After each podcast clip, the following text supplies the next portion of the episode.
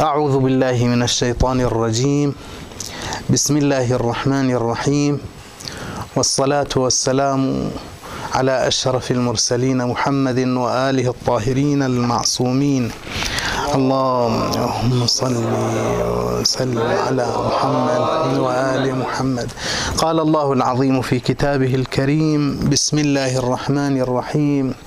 هو الذي بعث في الأميين رسولا منهم يتلو عليهم آياته ويزكيهم ويعلمهم الكتاب والحكمة وإن كانوا من قبل لفي ضلال مبين. صدق الله العلي العظيم.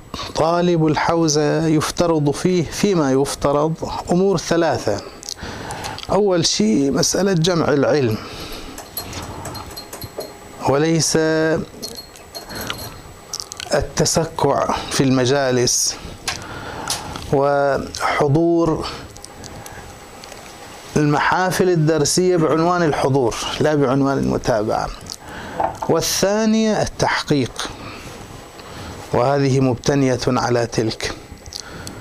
والثالثة الورع والدين لأنه هو المفروض الفارق بينه وبين سائر الطلبة طلبة العلم إذا صح التعبير. المسألة الأولى بعد إذن الإخوان لأنه لابد أن شوي يصير عندنا نقد ذاتي. في مسألة العلم واحدة من الأمراض المستفحلة الموجودة في الحوزة العلمية بشكل عام وبشكل خاص أيضا في حوزاتنا نحن غير المنتمية مثلا إلى حوزة كبرى. هي قضية الدراسة العشوائية. حتى لو إحنا نسميها تقرأ مقدمات ومن بعد المقدمات سطوح ومن بعد السطوح تقرأ خارج. لكن هذا التوسع غير المدروس يخلي الطالب يعيش حالة الضياع. سنة سنتين ثلاث سنوات أربع سنوات. بعدين يستشعر في داخله أنه صعب ما يقدر.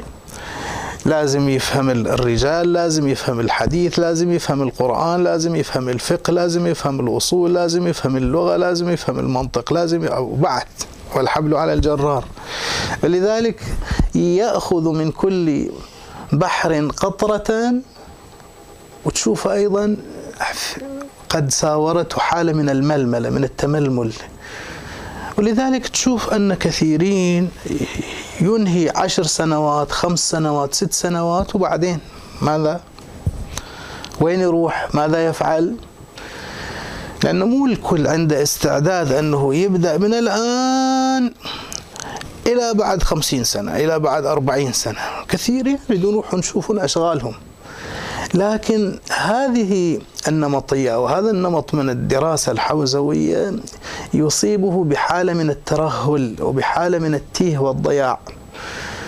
لذلك إحنا إذا لاحظنا حتى في زمان الرسول صلوات الله وسلامه عليه في حالة من التخصص كانت موجودة من البداية. مثلا عندنا سلمان كان عنده علم الأسرار في هذه القضايا رايح هو وراها. حذيفة كان عنده هذا. أبو ذر رضوان الله تعالى عليه عنده علم الحكمة. أبي بن كعب كان في علم القرآن. ابن عباس أيضا في التفسير فيما بعد وهكذا. بحيث أن هؤلاء مو أنه فقط اشتهر عنهم ذلك وإنما من البداية هم واظبوا على هذه العلوم.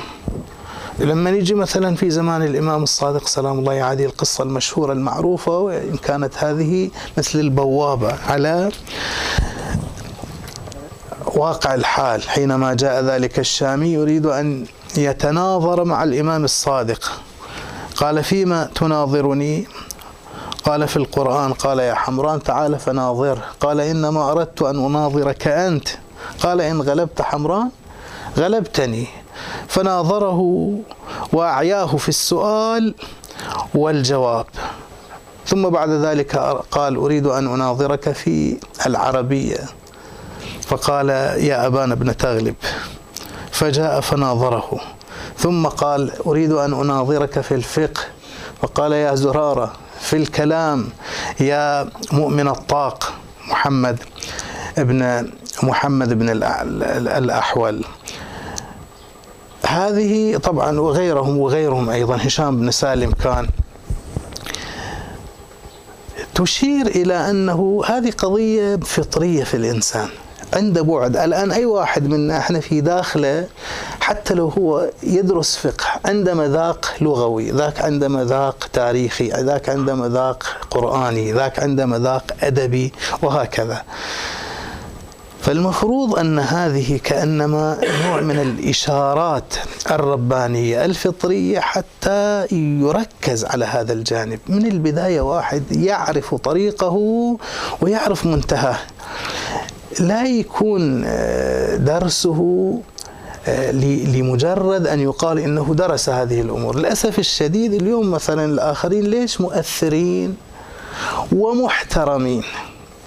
أحد الأسباب هو أنه هذا يسمونه دكتور هذا يسمونه محامي هذا إحنا كلنا عمايم. لما تشوف يقول هذا شنو هذه العمامة؟ ما تدري. ولذلك كثيرون ضالين هالشكل إما من دون شغل أو من دون أثر. عموما هذا مجرد إشارة وتذكير. ينبغي أن تلاحق الحوزة العلمية المنتسبة إلى أهل البيت آه، الخطب في هذا المجال وبالتالي تمنهج وتبرمج نفسها. الجانب الثاني هو مسألة التحقيق. أيضا للأسف الشديد أنه نجد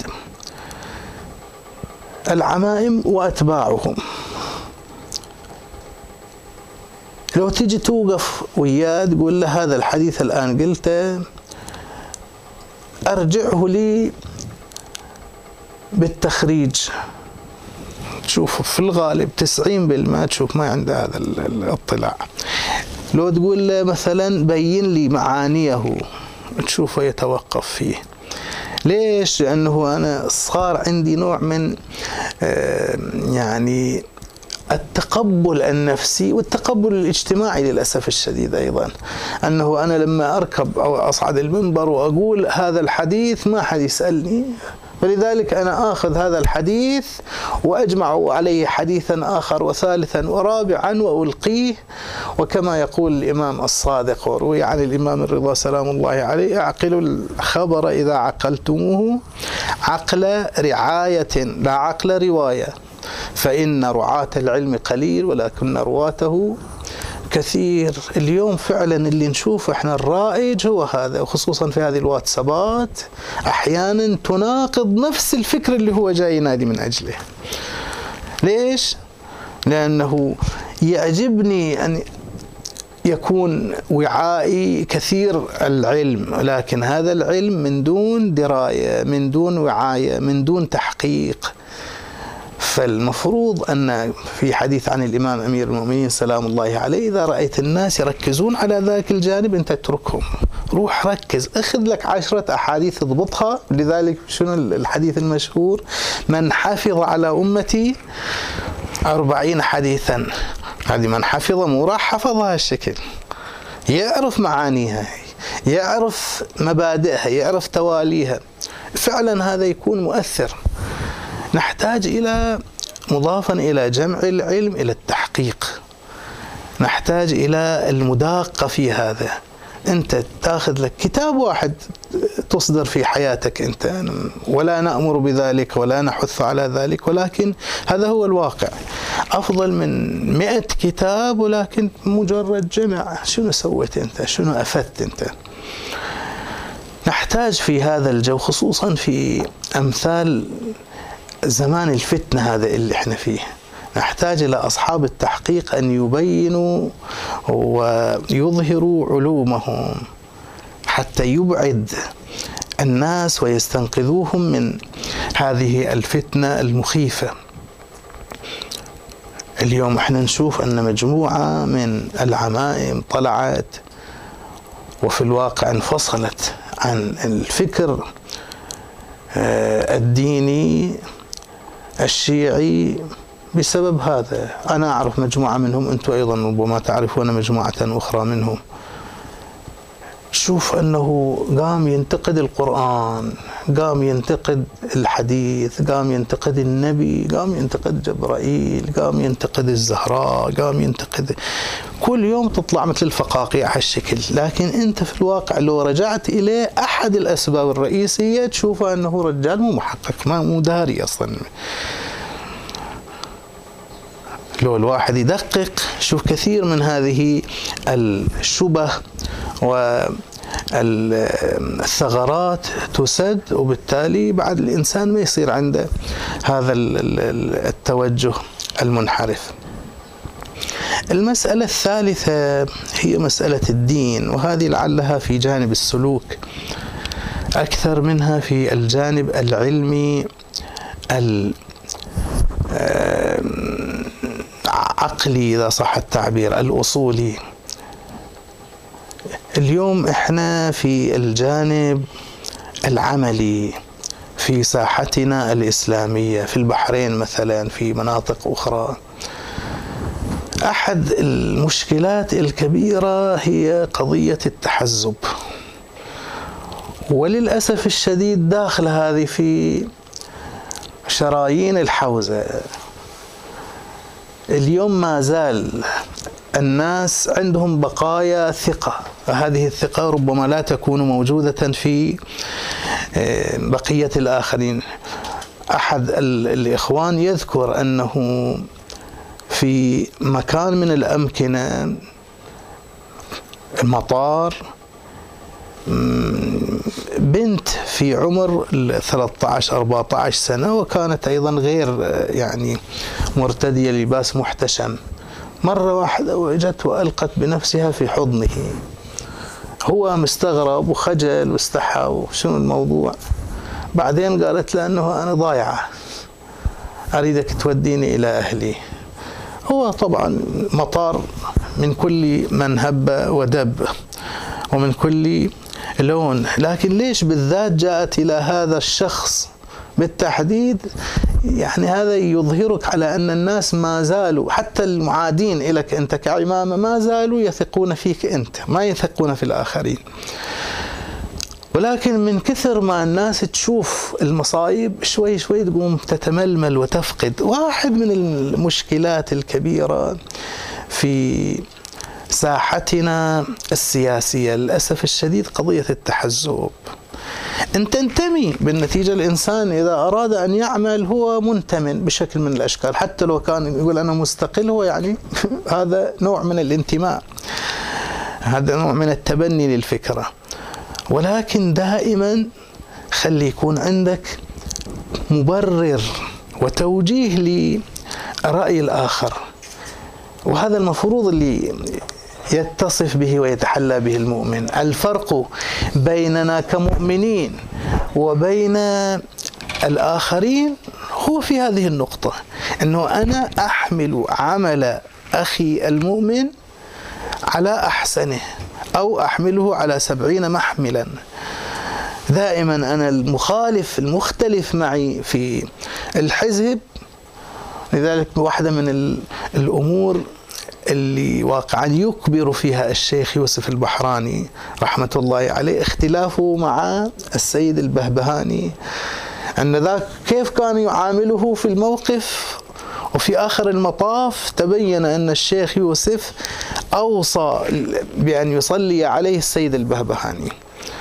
وكان تلامذة السيد البهبهاني آه، يختلسون الفرص وينتظرون ظلام الليل حتى آه، يعني يجدوا لأنفسهم الطريق للذهاب للشيخ يوسف حتى يستفيدوا من بعض علومه ويتطلعوا على أخباره. ولكن السيد البهبهاني كان لا بالعكس متشدد في هذا الجانب. اللي يخلي الشيخ يوسف لحد الآن واقعا مقدس هو أنه يرى الآخر يقول أن هذا الآخر هو اجتهاده هو هذا. هو يرى أنني أنا منحرف باجتهاده. هو يرى أنني أنا آه، لا أستحق مثلا هذا المقام اللي أنا فيه باجتهاده. أحنا لعلنا مثلا ما نصل إلى هذا المستوى من القداسة ولكن نحتاج إلى شيء من آه، إعطاء الآخر يعني المحمل الحسن. أنا بمجرد أن يختلف معي أخي وإذا بي أسقطه وإذا بي أخونه ما تشوفون ما تلاحظون أن هذه القضية صارت داء دوي موجود للأسف فيه. بمجرد أنه أنا أختلف مجرد أن أصرح تصريح يخالف تجمعه أو هو بالعكس. أنا أراه يصرح تصريحا يخالف ما أنا عليه وإذا به يطلع خائن إذا به يطلع واحد مارق من الدين هذه مشكلة مشكلة مخيفة جدا. ينبغي للمؤمن أن يكون مؤمنا. ينبغي أن يتميز طالب العلم بالذات طالب الحوزة بالذات عن الآخرين بهذه الروح الأريحية متقبلة للآخر. إحنا نسمع يقولون فلان فيلسوف قال أنه أنا أختلف معك ولكن أنا على استعداد أن أضحي من أجل رأيك أنت أو من أجل أن تقول كلمتك. لكن إحنا للأسف مع أن تراثنا تراث آل البيت نشوف أنفسنا ضيقة جدا لتقبل وتحمل الطرف الآخر.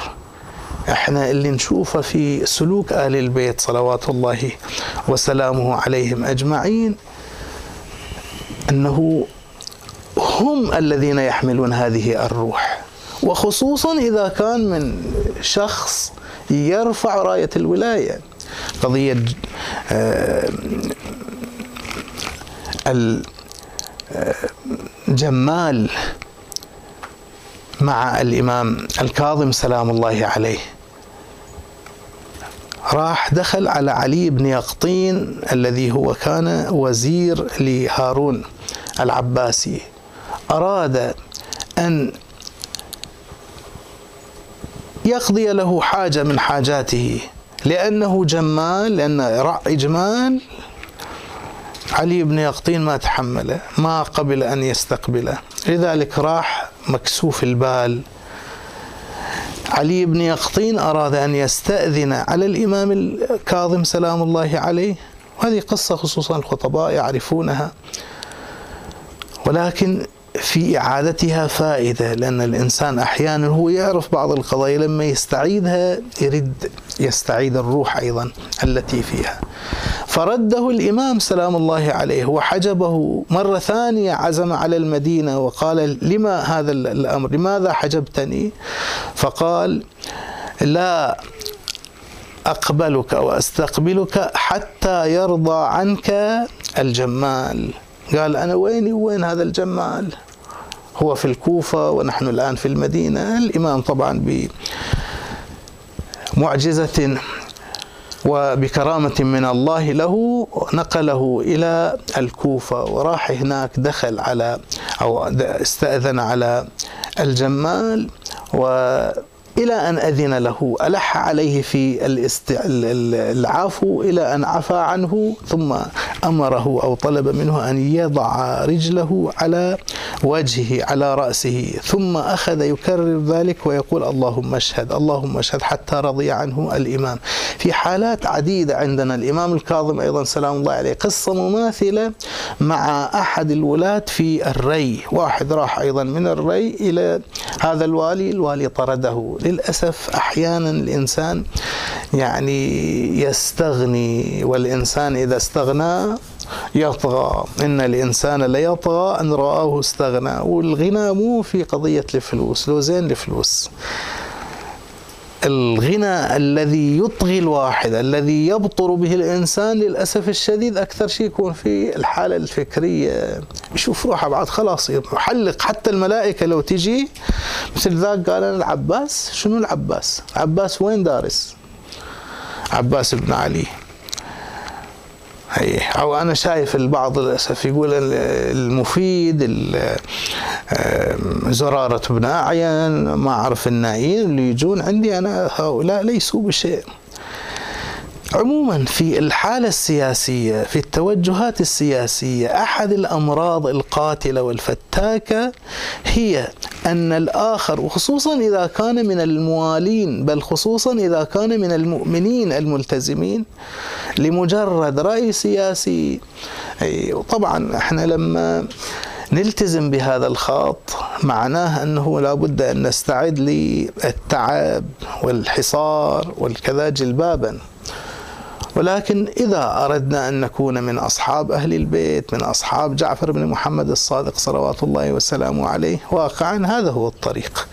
لابد لنا وعلينا أن آه، نعطي للآخر احتمال ومحمل طيب.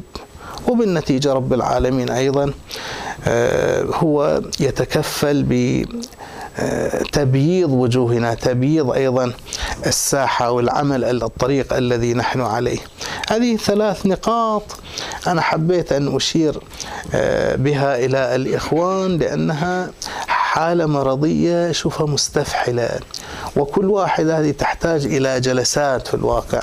مجرد إشارات آه، ذكرناها. المسألة الأولى هي في مسألة جمع العلم.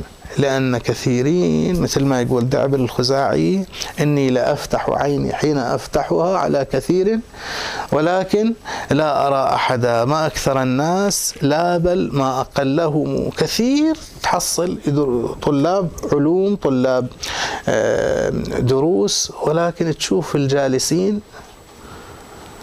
كثرة. ولكن طالبو العلم قلة قليلة المسألة الثانية لا بعضهم يجمع ولكن حينما تدخل في تسبر غور هذا الجمع الذي جمعه تشوفه خالي كل الخلو من التحقيق. لأنه بمجرد أن يحصل على الحديث أو على الآية أو على الفكرة تلقفها من دون روية ومن دون دراية. والمسألة الثالثة هي أن يكون لطالب العلم ولكل مؤمن دين لأنه هو المائز بينه وبين سائر الموجودات والحمد لله رب العالمين. وأستغفر الله لي ولكم. طبعا هذه نوع من الجسارة صارت ولكن على أي حال واجب وإلقاء واجب. وصلى الله على محمد وآله الطاهرين. محمد.